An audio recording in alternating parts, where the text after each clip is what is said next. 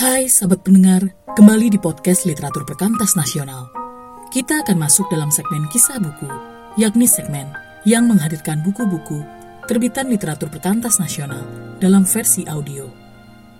KIIN akan membacakan kisah buku Tuhan dan Politik yang ditulis oleh Denny Boy Saragi dengan judul pembahasan Memahami Konsep Dasar Alkitab.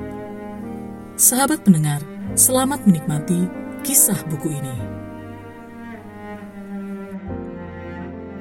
Memahami konsep dasar Alkitab. Kalau kita merenungkan hubungan antara iman dan politik, sering kali kita merujuk pada surat Rasul Paulus kepada jemaat di Roma, khususnya Roma 13 ayat 1, yang mengingatkan setiap orang untuk tunduk pada penguasa. Kata penguasa dalam Alkitab terjemahan baru 1974 tertera pemerintah.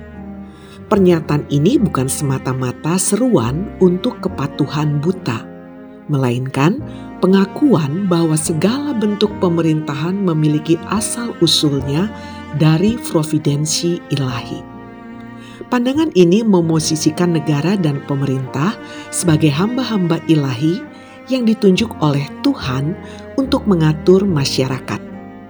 Sebagai bagian dari pemeliharaan Tuhan, pemerintah memiliki tugas yang berat untuk melaksanakan keadilan dan melayani kebaikan bersama, berlandaskan prinsip-prinsip yang adil dan benar.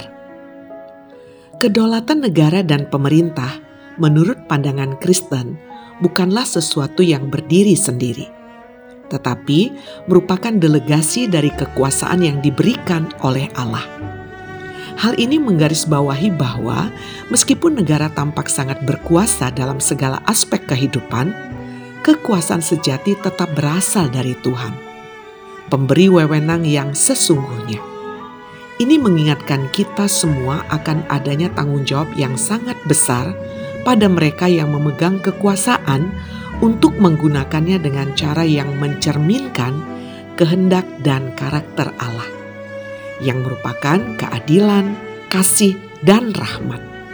Sebagai orang percaya, kita diingatkan untuk aktif dalam doa dan dukungan untuk para pemimpin kita, sambil tetap memegang teguh kebenaran dan mempromosikan perdamaian dan keadilan sosial dalam semua aspek kehidupan politik. Dalam tafsiran Kitab Roma pasal 13 C.E.B. Cranfield memberikan penjelasan yang sangat jernih tentang makna ayat ini dengan menyatakan bahwa Allah sendirilah yang mengangkat dan menurunkan para penguasa dan tidak ada yang benar-benar memegang otoritas kecuali Allah telah setidaknya untuk sementara waktu mengangkatnya. Ini mengajak kita untuk melihat lebih dari sekadar struktur dan mekanisme politik, melainkan juga melihat tangan Allah yang bergerak dalam sejarah.